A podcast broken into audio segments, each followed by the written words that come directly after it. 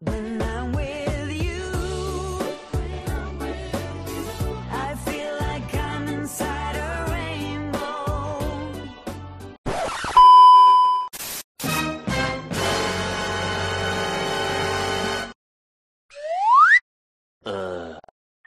the mic, open the door.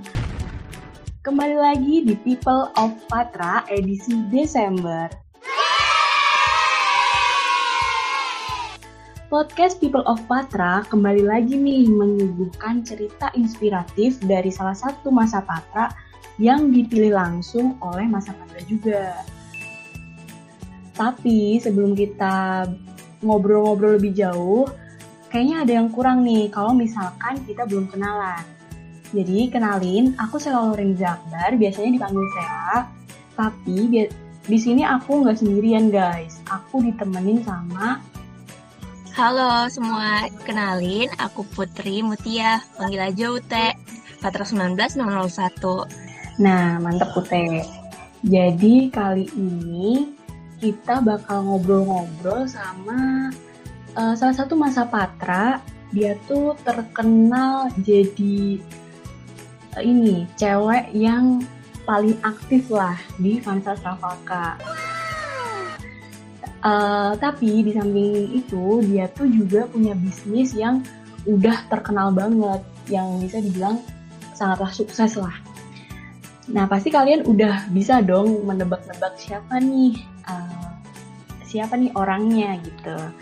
Jadi langsung aja nih, silahkan Rara perkenalan diri kamu.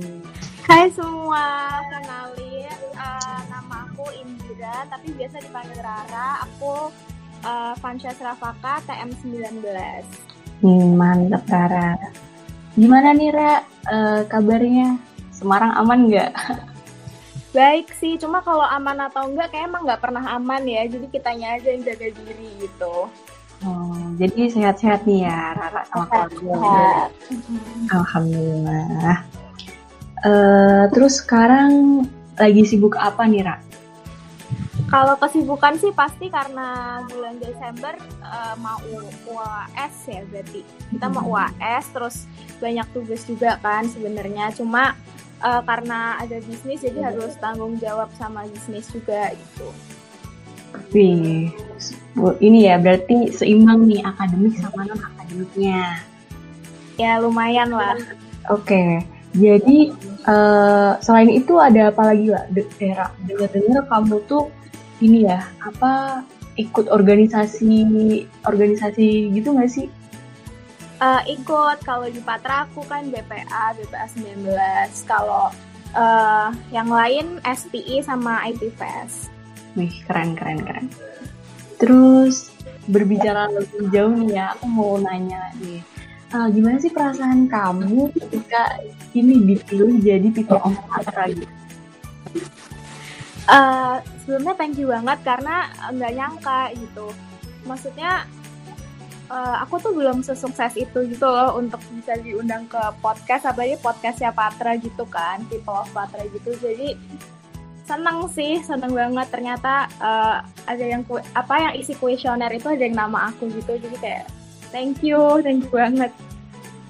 Hmm, emang keren Rara ya. Eh, di sini tuh masa Patra memilih kamu tuh ya mereka tuh pengen tahu eh, kan kamu tuh terkenal banget sama bisnisnya. Gimana sih cara bagi waktu antara akademik sama non akademik kamu gitu. Jadi ntar kita bakal ngobrol-ngobrol lebih jauh tentang itu kali ya. Oke, oke. Terus eh, kamu tuh bisnis itu tuh emang kepengen atau eh, ini dari orang tua gitu nyuruh kamu? Eh, kepengen sih karena alasan pertamanya itu sebenarnya corona kan pulang ke rumah terus nggak dapat uang jajan kan. Nah itu eh, lumayan apa ya kayak pengen beli apa-apa nggak bisa. Terus kalau mau minta uang jajan juga nggak enak karena kan tinggal di rumah buat apa gitu kan. Jadi ya gimana caranya supaya uang tabungan itu muter. Nah itu makanya aku bikin bisnis. Wah, bisa kepikiran kayak gitu ya. Maksudnya kamu tuh anak muda, terus eh, di celah-celah kegabutan waktu corona terus kamu kepikiran buat bi- bikin bisnis gitu kan Iya. berarti eh, bisnisnya dimulai dari awal ini ya libur corona itu ya Habis UTS stat, stat- eh ah, enggak UTS matematika, sorry. Matematika TPB waktu itu. Kan itu UTS terakhir kan, terus langsung bikin gitu. Hmm, itu berarti bulan Mei. sekitar Mei ya. Berarti baru baru ini ya, baru ber apa sih? Baru jalan berapa bulan itu ya, tapi udah terkenal banget lah keren keren keren. Iya, begitu.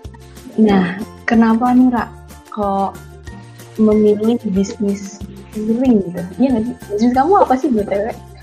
Aku piring, cuma speciality-nya tuh malah bukan di piringnya. Jadi kayak bikin kit fotografi makanan gitu yang ada piringnya. Jadi kayak bukan tableware gitu loh. Kalau misalnya all shop lain kan tableware beneran jual piring gitu kan. Kalau aku tuh speciality-nya kit fotografi yang ada piringnya. Jadi kayak kalau misalnya ditanya kenapa pilih piring itu karena pertama kali corona kan langsung pulang pulang ke rumah dan waktu pulang itu karena aku orang yang nggak bisa nggak bisa diem aku tiap hari masak cobain cobain makanan terus kayak masakan dari berbagai daerah dan jenis gitu. Terus karena aku suka foto juga aku ada basic fotografi juga. Jadi setiap makanan tuh aku post di Instagram di Instagram Story. Terus aku ngeliat kayak eh, piringnya tuh jelek gitu loh. Jadi presentasi makanannya jelek. Terus aku pengen kayak ih pengen ih beli beli beli piring kayak gitu buat uh, konten-konten Instagram Story. Terus habis itu aku ngelihat all shop all shop tuh kenapa mahal banget kan piring. Terus udah kalau misalnya cuma beli piring kita masih belum dapat properti fotonya apanya. Nah dari situ aku kepikiran kenapa nggak aku solve problem aku sendiri? Dan mungkin sekarang orang yang lagi kayak kan itu lagi berjamur banget di makanan kan pertama kali corona muncul karena orang Iya, harus kerja dari rumah terus daripada aku jual makanan aku sendiri kenapa nggak solve problem yang lebih besar yaitu properti foto mereka dalam satu box gitu loh jadi satu box itu isinya eh, properti piring kalian tinggal taruh makanan terus foto jadi kayak gitu sih eh, kenapa bisnis ini gitu Wah keren sih. Berarti itu tuh berawal dari eh, keresahan kamu sendiri gitu. iya dari masalah sendiri Waduh keren keren. Nah eh, apa untuk piringnya sendiri tuh kamu bikin atau gimana Ra? aku cari supplier kalau piring Oh supaya aku kira kamu bikin sendiri wah hebat. Terus apa? eh, sekarang kan ini udah lumayan. Aku lihat-lihat ini gede banget kan, udah terkenal banget kan. Tom di Instagram, udah terkenal banget. Kamu, kamu nih dibantu karyawan itu iya dibantu Keren. Berapa nih Ra karyawannya? kalau misalnya yang bantu beneran kayak apa ya kayak tanggung jawab yang setiap hari itu ada dua orang tapi kalau misalnya aku mau produksi barang gitu baru aku panggil orang lain gitu loh kayak aku jadi tetap sama nggak tetap gitu loh karyawannya kalau yang tetap ada Hmm. dua tapi kalau dihitung sama yang nggak tetap bisa empat empat lima lah Wah, keren-keren anak muda yang bikin bisnis terus udah bisa eh, membantu orang lain gitu. Wah, keren-keren. Eh, tapi Ra, aku mau nanya dong. Iya. Em, kan tadi kamu udah ngomong kan, eh, kenapa kamu bisa kepikiran buat bisnis eh, tableware itu kan? Tapi awal awal kan setelah kamu memikirkan ide itu, cara untuk merealisasikan bisnis kamu itu gimana sih awalnya? Eh, cara ngerealisasiin aku pertama bikin budgeting dulu jadi misalnya eh, kit fotografi ini yang layak kalau misalnya aku sebagai orang awam yang baru pertama kali cobain fotografi makanan aku tuh mau belinya pakai duit seberapa gitu loh. Jadi aku memposisikan diriku sendiri sebagai pembeli. Karena waktu pertama kali bisnis tuh aku tuh nggak tahu apa-apa teori tentang bisnis dan marketing. Jadi aku bener-bener pakai diri aku sendiri sebagai pembeli gitu loh. Nah di saat itu aku budgeting kan aku mikir aduh kalau sini kemahalan sini kemahalan. Nah saat dapat harga yang pas terus eh, aku tahu komponen piringnya mau berapa persen dari harga pokok produksinya, komponen ininya berapa. Dari situ aku langsung realisasiin eh, cari info supplier. Jadi kalau misalnya udah cari info supplier, kita udah beli barang, kalau misalnya kita mau stop uang kita habis dong, jadinya rugi dong. Kalau misalnya udah beli barang, kita pasti akan lebih ke apa ya? Ke motivasi untuk lanjutin karena kita nggak mau uang kita eh, terbuang kan, gitu sih. Hmm, keren banget sih. Mikirannya udah sampai sana gitu.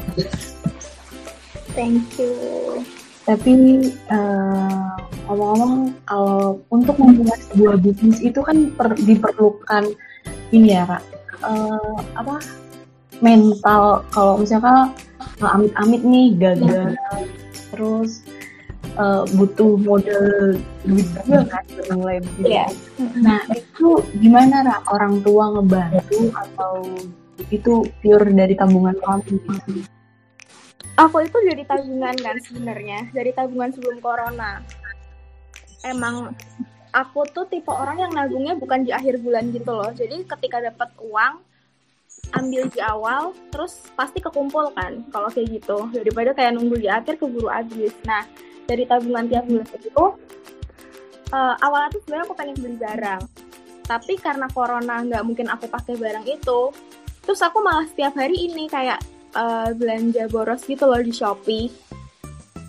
Nah dari situ aku kayak wah nggak bisa kayak gini. Ini mungkin corona masih lama dan aku nggak dapat uang jajan kan. Terus akhirnya aku pakai uang tabungan itu. Terus ketika aku pakai uang tabungan itu aku eh, mikir gimana gimana harus muterinnya. Nah waktu itu eh, pasti kan ada rasa takut ya kayak yang saya bilang gitu. Gimana kalau misalnya fail gitu gitu tapi entah kenapa aku nih nggak ngerasa takut saat itu. Kayak mungkin karena emang tinggal di rumah ya. Jadi kalau misalnya gagal pun aku masih tetap makan dan aku masih tetap hidup gitu loh. Kayak masih dalam tanggungan orang tua kan. Jadi kayak ya udahlah kalau misalnya amit-amit rugi juga daripada nggak nyoba terus kita nggak tahu kita bakal jadi apa kayak gitu sih Hmm, keren keren keren. Berarti orang nih eh, pertama kamu eh, mau memulai bisnis kan otomatis ini kan izin dulu orang tua karena wah aku pengen bikin ini loh. Iya. gitu. Nah itu tuh respon pertama orang tua kamu kayak gimana? respon kalau misalnya eh, bapak aku tuh orangnya optimis parah jadi kayak oh iya bagus bagus bagus. Nanti eh, bapak cari eh, bantu ini apa cariin apalah supplier atau atau apa. Tapi kalau dari ibu aku ibu aku tuh orangnya pesimis. Hmm, jadi waktu Gimana? awal awal jualan itu kan satu hari bisa kayak cuma satu pesanan. Hmm. dan itu kayak rugi gitu loh. Kayak hitungannya rugi banget. Terus eh, bener-bener eh, galik modalnya itu lumayan lama kan waktu itu. Terus abis itu eh, tapi aku sendiri emang lebih cenderung ke orang yang optimis gitu loh. Bahkan kayak saking optimisnya mungkin kadang-kadang kayak nggak realistis. Kayak aku eh, berorientasi sama mimpi aku gitu loh. Aku yakin kalau misalnya bisnis itu pasti awalnya rugi dulu gitu loh. Nggak bisa kayak eh, mau aim langsung dalam sebulan langsung untung 10 juta langsung gitu. Itu nggak bisa gitu loh. Pasti ada prosesnya lah. Kalau misalnya kita tiba-tiba langsung dapat gede nanti kita nggak bisa ngelolanya kan malah lebih bahaya Oh jadi orang tua support banget ya mas, apalagi dari bapak. iya. Emang ini sih sangat dibutuhkan sih kalau misalkan anaknya lagi pengen bikin bisnis. Itu support dari orang tua tuh penting banget. Benar benar banget. Nah eh, apa itu?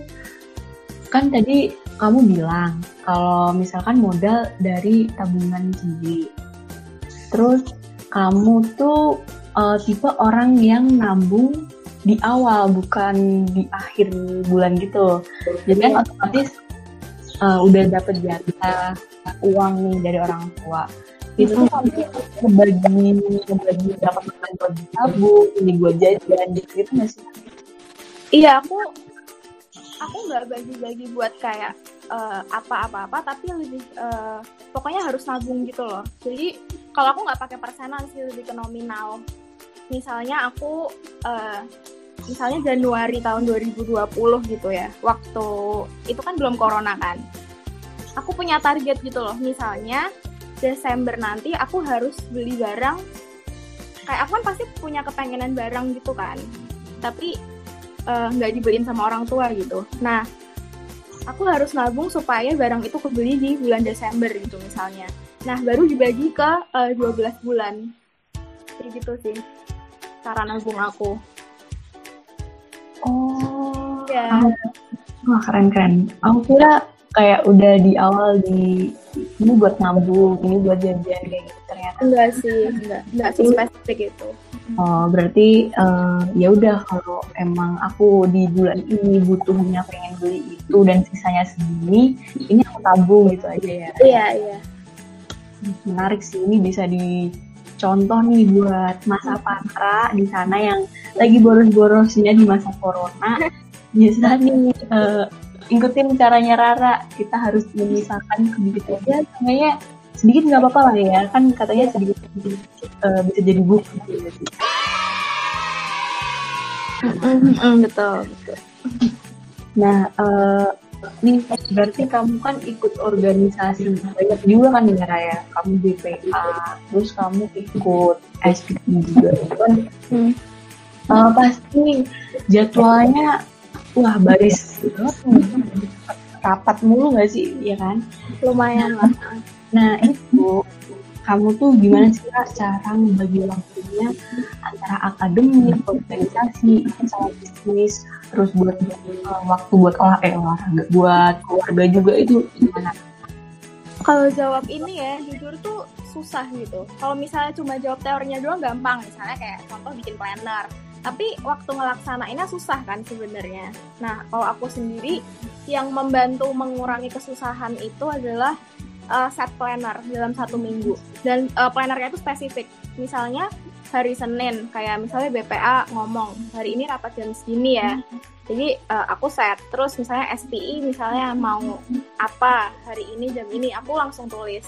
Jadi uh, kegiatan di luar organisasi itu ngikutin yang setelah organisasi. Karena kalau organisasi itu kan berhubungan sama orang lain. Ya kan? Jadi kayak harus apa ya ngikutin jadwalnya orang lain gitu loh. Dan yang lain aku biasanya selain kalau misalnya habis organisasi biasa aku bisnis dulu karena aku ngerasa jam aku tuh paling produktif di bisnis. Habis di bisnis aku baru ke akademik sih jujur. Kayak karena aku emang kurang interested sama eh, apa ya kayak matkulnya gitu loh. Jadi ya udahlah yang apa yang aku paling bisa produktifin di situ aku taruh. Cuma kadang-kadang kalau misalnya organisasi itu eh, jadwal meetingnya suka berubah kan Hmm. Nah itu sih aku rada kayak kerepotan atau kayak meeting yang mendadak gitu. Karena bisa tabrakan sama jadwal lain atau misalnya kayak aku ada jadwal untuk uh, campaign produk baru atau photoshoot produk baru. Kayak itu jadi ngerusak jadwalnya gitu loh. Tapi ya lagi-lagi karena misalnya organisasi itu berhubungan sama orang lain juga ya aku harus mentoleransi waktu, waktu orang lain juga gitu kan cuma ya aku nggak janji kalau misalnya jadwalnya uh, mendadak aku bisa selalu datang gitu Oh, jadi kamu tuh ini ya mendahulukan uh, sesuatu yang berhubungan sama orang lain gitu. iya waktu orang lain lah Hmm, oke oke. Berarti kan pasti kalau uh, acara organisasi gitu tuh uh, ini kan tadi kita bilang uh, banyak acara banyak acara yang mendadak kayak gitu. Nah itu kan cara kamu tadi tadi cara kamu apa? Cara kamu biar nggak ngerusak plan kamu tuh gimana Kak? Ya udah ikutin aja yang itu acara organisasi organisasi organisasi atau yang akan acara pribadi kamu Hmm, kalau itu jujur ya kayak sometimes we have to say no gitu loh ke ke acara karena emang setabrakan itu. Misalnya aku udah set kayak plan udah dari lama banget, terus misalnya karena satu acara sampai merubah semuanya nggak worth it aja gitu loh. Karena aku mikirnya udah dari lama banget, udah ngerencanain. Karena kalau misalnya photoshoot misalnya, photoshoot itu tuh uh, ada keterlibatan orang lain juga. Misalnya aku uh, minta bantuan orang untuk susun layout, ada aku minta bantuan orang fotografer gitu misalnya. Kalau misalnya aku tiba-tiba organisasi kayak mendadak gitu ya maaf banget gitu kadang-kadang emang ada hal yang nggak aku nggak bisa undur jadi emang pertama prioritasin organisasi cuma ya kalau mendadak banget juga I think mereka akan ngerti juga loh waktu aku kenapa aku nggak bisa datang jadi kayak ya nggak apa-apa gitu maksudnya selama ini aku belum pernah ngalamin problem karena uh, mereka nggak mentoleransi waktu aku juga gitu loh Hmm, keren banget. Kayak bisa kepikiran sampai situ kayak emang acara acara penting sih apalagi organisasi kan. Hmm. Tapi kita kan lagi di masa-masa muda nih kan, Kak. Mm-mm. Kamu tadi udah ngomong acara ini, acara itu, terus ada bisnis juga kan. Pasti apalagi akademik UTM itu kan chaos banget kan. Iya. Tapi pasti kita juga butuh yang namanya me time kan. Apa Iya. kamu enjoy aja dengan semua kesibukan kamu ini atau memang kamu nyisipin waktu buat aku mau sendiri gitu. Nah, aku tuh orangnya suka parah sama me time. Kayak suka Mm-mm. banget. Tapi untungnya me time aku itu baca buku marketing. Wah, Jadi se seenggak produktif produktifnya, kayak paling nggak aku dapat sesuatu buat dimasukin ke otak. Terus kalau misalnya kalau misalnya me time-nya kayak nonton film gitu ya, itu Hmm. kayak lebih ke kalau misalnya aku lagi stres dan aku butuh entertainment, aku mau nonton film. Tapi kalau misalnya lagi gabut, eh, tujuan pertama aku bukan nonton film gitu loh, lebih ke baca buku sih. gila, gila. Keren banget sih kayak walaupun kita lagi pengen waktu yang buat diri sendiri gitu kan tapi setidaknya harus tetap ada produktifnya gitu harus ada yang bisa Iya. didapat dari apa yang kita lakukan Betul. Di masa pandemi ini ada nggak pernah kepikiran kayak mau jalan gitu? Hirup keluar udara segar. Ah, ah. aku tuh anak rumahan untungnya. Jadi aku nggak pernah aku nggak pernah pengen misalnya kayak tiba-tiba pengen balik ke Bandung atau kayak jalan-jalan ke mana. Kayak nggak tahu sih aku tuh nyaman di rumah orangnya. Kayak suka gitu. Nggak nggak pernah kayak oh my god stres depresi di rumah terus gitu nggak pernah hmm. Jadi kayak ada sisi positif dan ke keuntungannya juga ya jadi orang rumahan Ra. iya aku suka di rumah anaknya Oke. Terus tapi ada nggak kesulitan gitu Ra kayak memulai bisnis dan ada akademik juga, ada ikut organisasi banyak kan? Ada nggak kesulitan kesulitannya gitu boleh? kesulitannya mungkin lebih ke ngatur mental daripada ngatur bisnisnya. Kayak lebih sulit ngatur energi kita daripada ngatur waktu kita. Mm-mm. Jadi kayak misalnya eh, udah berbisnis gitu ya, kayak capek. Terus eh, habis itu eh, harus tetap belajar dong buat kayak misalnya UTS atau kayak eh, tugas gitu kan. Nah waktu belajar itu biasa aku itu poin di mana kayak aku nangis gitu loh.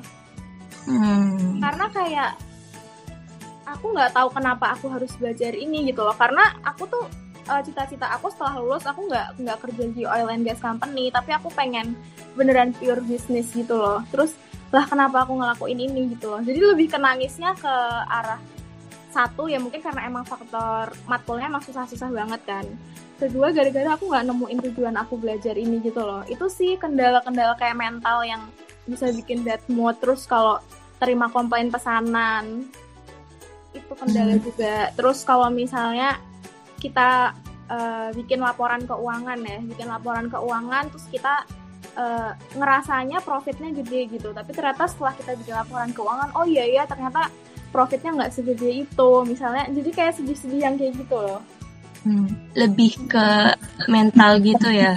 iya Tapi dari cerita cerita kamu tadi tuh ada kata komplain gitu kan, komplain Mm-mm. dari pelanggan. Itu ada cerita cerita menarik nggak dari apa reaksi-reaksi pelanggan kamu setelah kayak mungkin setelah beli Heeh. apa barang kamu tuh tiba-tiba dia jadi eh senang gitu atau gimana pokoknya Yes. cerita cerita menarik Kalau thankfully sih eh, aku kan emang dapat rate 4,9 di Shopee kan. Dan itu konsisten gitu. Jadi kayak itu bagus lah untuk toko sangat bagus gitu. Karena kan emang nggak mungkin dapat 5 star kan. Nggak mungkin semua pesanan kayak 100% mulus jalan lancar. Dan emang customer aku tuh hampir semuanya suportif. Kayak misalnya eh, ini tips bisnis juga ya mungkin. Kalau misalnya kalian eh, di thank you card kalian atau ke bisnis card kalian yang kalian masukin ke produk kalian, jangan lupa minta orang itu untuk tag atau kayak untuk review di Instagram karena eh, sebenarnya customer kita adalah influencer yang nggak nggak kita bayar gitu loh.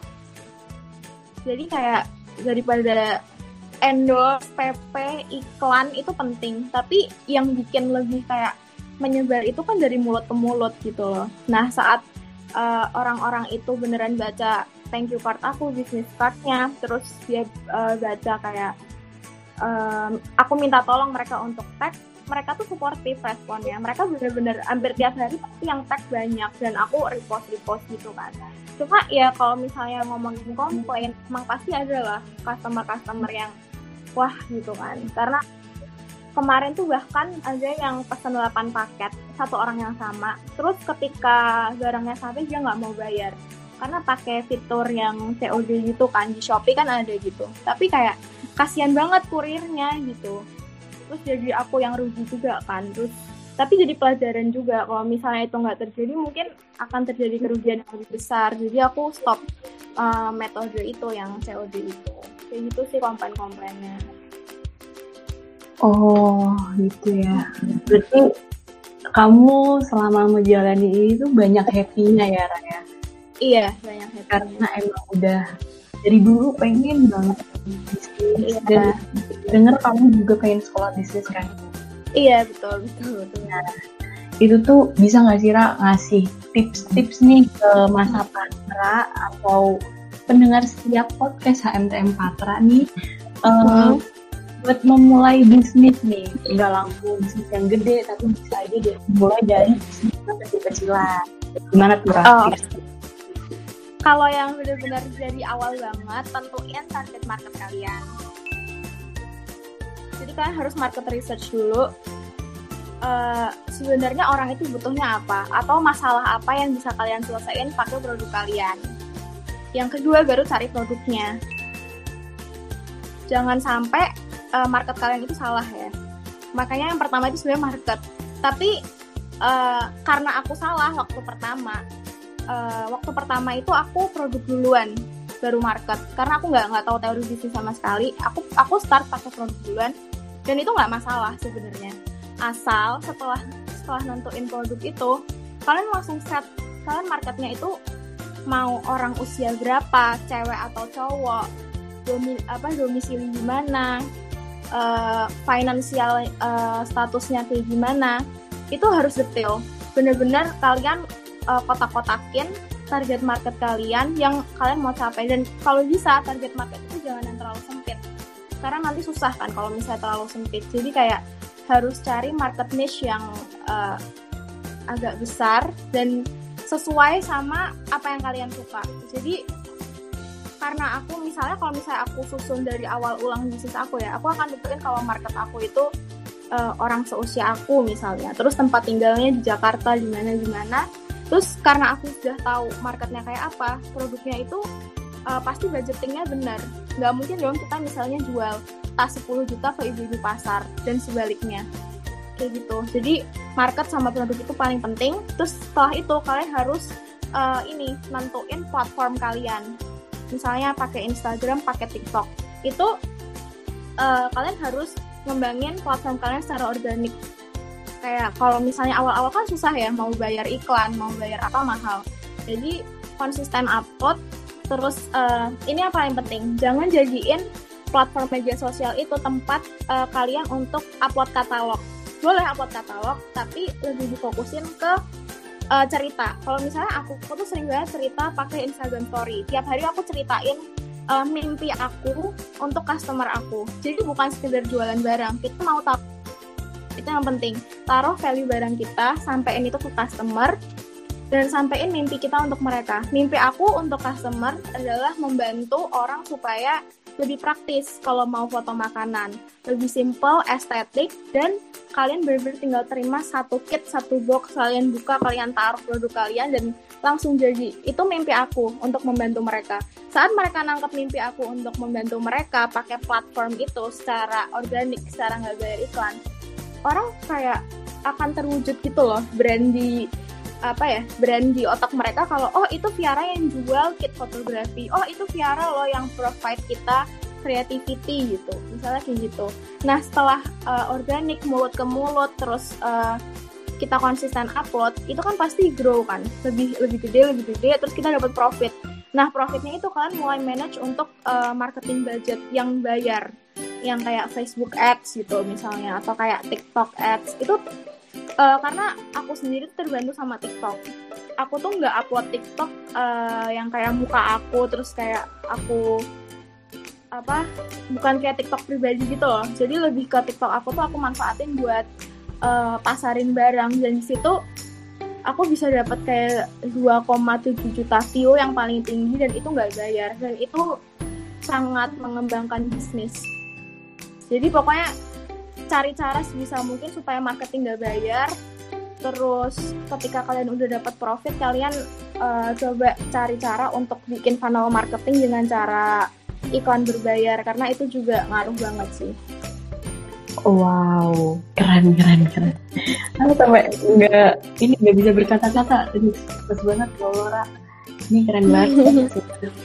Tapi mungkin ya di luar sana uh, teman-teman tuh pada ini penasaran. Kan tadi kamu udah bilang kalau rating di Shopee itu udah 4,9 nah udah kayak mencapai hampir mencapai 5 gitu.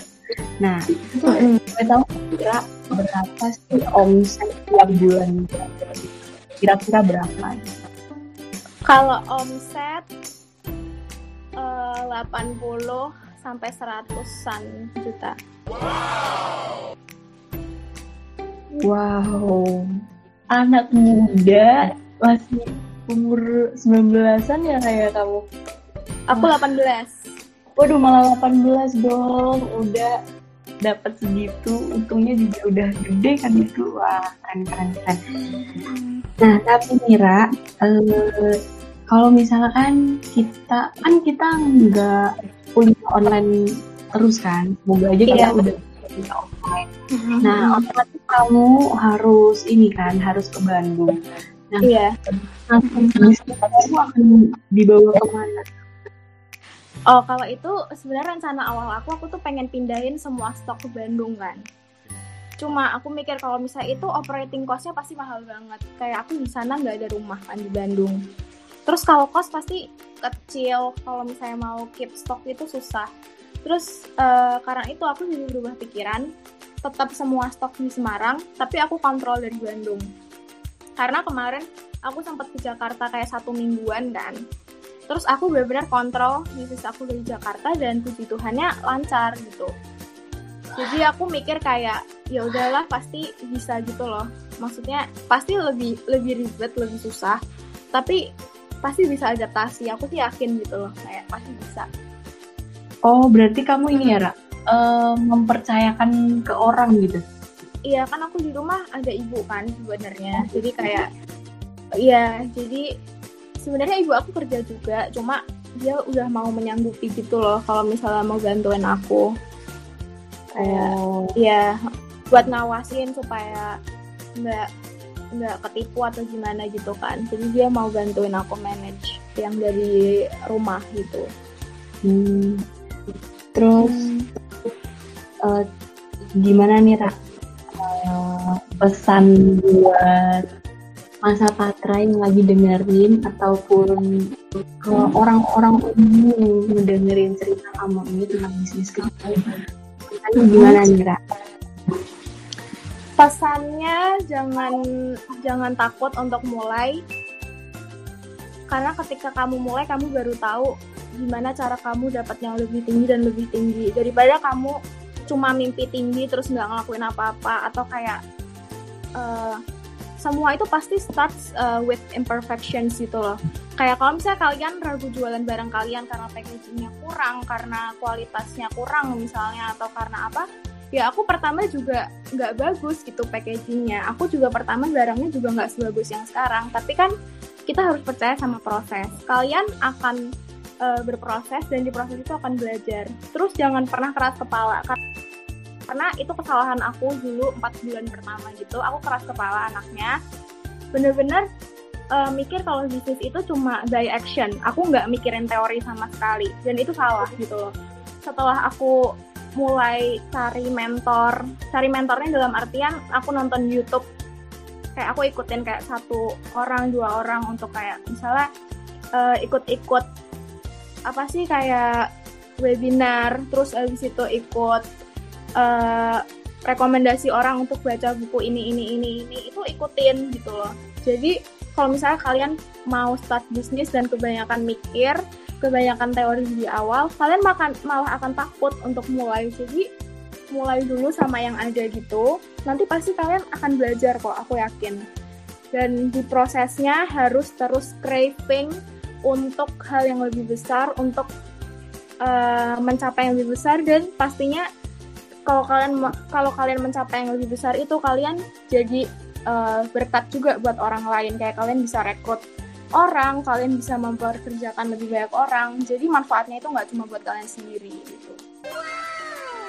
Wah, pesannya aduh ngena banget nih ya bagi kita anak muda nih. Jangan inilah ya, apa menjaga apa sih istilahnya uh, minta minta orang tua terus itu tuh harus berani bikin usaha buat ya seenggaknya kalau apa namanya mau jajan tuh bisa pakai uang sendiri gitu nggak minta orang lain ya. ke orang tua mantap mantap kalau bisa udah ngasih orang tua ya kalau bisa. Oh iya Nira berarti kamu udah udah ngasih ke orang tua Nira kalau ke orang tua eh, nggak ngasih dalam bentuk uang ya. Tapi lebih ke barang gitu. Misalnya uh, barang branded gitu ya. Kalau misalnya mereka sayang misalnya mereka udah pengen dari lama terus sayang beli pakai duit mereka sendiri ya udah aku beliin gitu loh. Wow gitu sih. Bukan bukan dalam bentuk uang. Karena kalau misalnya uang I think mereka udah punya gitu loh. Tapi appreciation appreciation yang kayak hal-hal kecil atau paling enggak uh, traktir mereka weekend makan steak makan yang enak mereka bakalan seneng gitu. Wah keren banget nih Ra ya. Uh, dari tadi pesan-pesan Tara itu tuh um, menjadi akhir dari podcast kita kali ini. Dan semoga uh, teman-teman yang mendengarkan cerita-cerita dari Lara bisa tergugah nih uh, jiwa-jiwa bisnisnya buat hmm. apa pun itu yang bisa dibilang uh, gabutnya bermanfaat lah ya Ra nggak nonton aja Oke, dari uh, bincang-bincang kali ini bersama Rara bisa disimpulkan ya guys, kalau kita tuh jangan sampai takut buat memulai karena saat kamu memulai sesuatu di situ kamu tuh akan belajar dari prosesnya. Oke, terima kasih Rara buat waktunya. Terus terima kasih juga buat uh, teman-teman yang terlibat di podcast ini. Makasih banyak. Sampai jumpa di podcast POP edisi selanjutnya. Bye bye. POP, POP Mania. Mantap. Mantap.